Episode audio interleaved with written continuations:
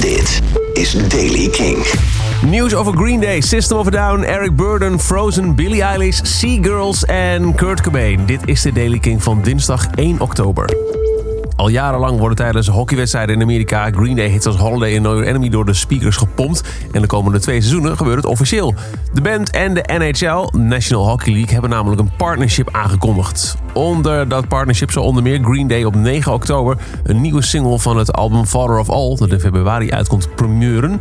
Het nummer heet Ready, Fire, Aim en zal te horen zijn tijdens een montage met allemaal ijshockeybeelden vlak voor de wedstrijd tegen de New Jersey Devils en Philadelphia Flyers op de televisie. Ook zal Green Day een concert spelen tijdens de NHL All-Star Game op 25 januari in St. Louis.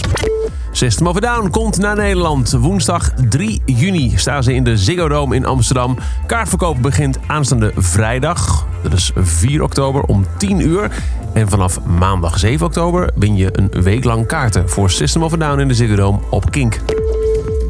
Eric Burden, oudzanger van The Animals, zou gisteravond, maandagavond 30 september, optreden tijdens een afscheidsconcert in Avas Live. Maar dat liep even wat anders. Hij kwam wel het podium op om vervolgens te zeggen: Ja, ik krijg te weinig betaald, dus doei. En hij liep er weg. Bezoekers volledig verbijsterd achterlatend. Die zich op social media achter, uh, afvroegen wat in vredesnaam aan de hand was. Noemen het uh, een bizarre vertoning. Avas Live heeft laten weten via Twitter dat mensen die kaart hebben gekocht... vanaf vandaag contact kunnen opnemen met Eventim, de organisator van het concert. Dat dus niet doorging. Ja, Frozen 2 komt eraan in de bioscoop. Leuk, Disney. Maar uh, Let It Go is niet echt heel erg kinkwaardig. Echter, gisteren is bekendgemaakt dat twee best kinkwaardige bands te horen zullen zijn op de soundtrack. Tijdens de eindcredits zullen zij twee liedjes uit de film op een eigen wijze spelen. Het gaat over Into the Unknown en Lost in the Woods, die respectievelijk zullen worden gespeeld door Panic at the Disco en Weezer. Billie Eilish gaat dus volgend jaar op tour. Ze komt naar Werchter Boutique Pop-Up en de Ziggo Dome in juli 2020. En in een interview met Jimmy Fallon heeft ze nu verteld dat ze de meest groene wereldtournee ooit wil houden. Zo groen mogelijk. Maatregelen die genomen worden zullen onder meer zijn dat fans hun eigen flesje water mee moeten nemen. Er worden geen plastic rietjes gebruikt en overal staan recyclebakken. Al het afval wordt na elke show gerecycled. En op elke optredenplek komt er een Billie Eilish Eco Village...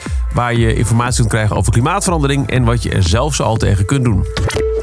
Ook naar Nederland, Sea Girls. Ze staan sowieso in oktober, dus eind deze maand, nog op London Calling. Maar in januari komen ze terug. Sea Girls speelde begin dit jaar tijdens Eurosonic de eerste gig... en deed een mooie show op Lowlands. Echt zo'n kink-knuffeldier.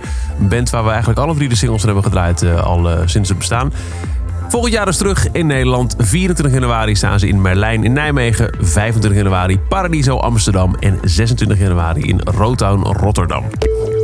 En mocht je nog op zoek zijn naar een nieuw huis en wat budget te verbranden hebben...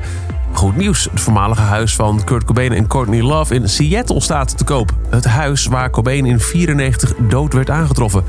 Voor 7,5 miljoen ben je eigenaar van het pand dat vier slaapkamers, vier badkamers en een wijnkelder telt. Dat is over de Daily Kink van dinsdag 1 oktober. Elke dag in een paar minuten helemaal bij met het laatste muzieknieuws. Je vindt de Daily Kink op kink.nl, in je favoriete podcast app en ook op Spotify. Elke dag het laatste muzieknieuws en de belangrijkste releases in de Daily Kink. Check hem op kink.nl of vraag om Daily Kink aan je smart speaker.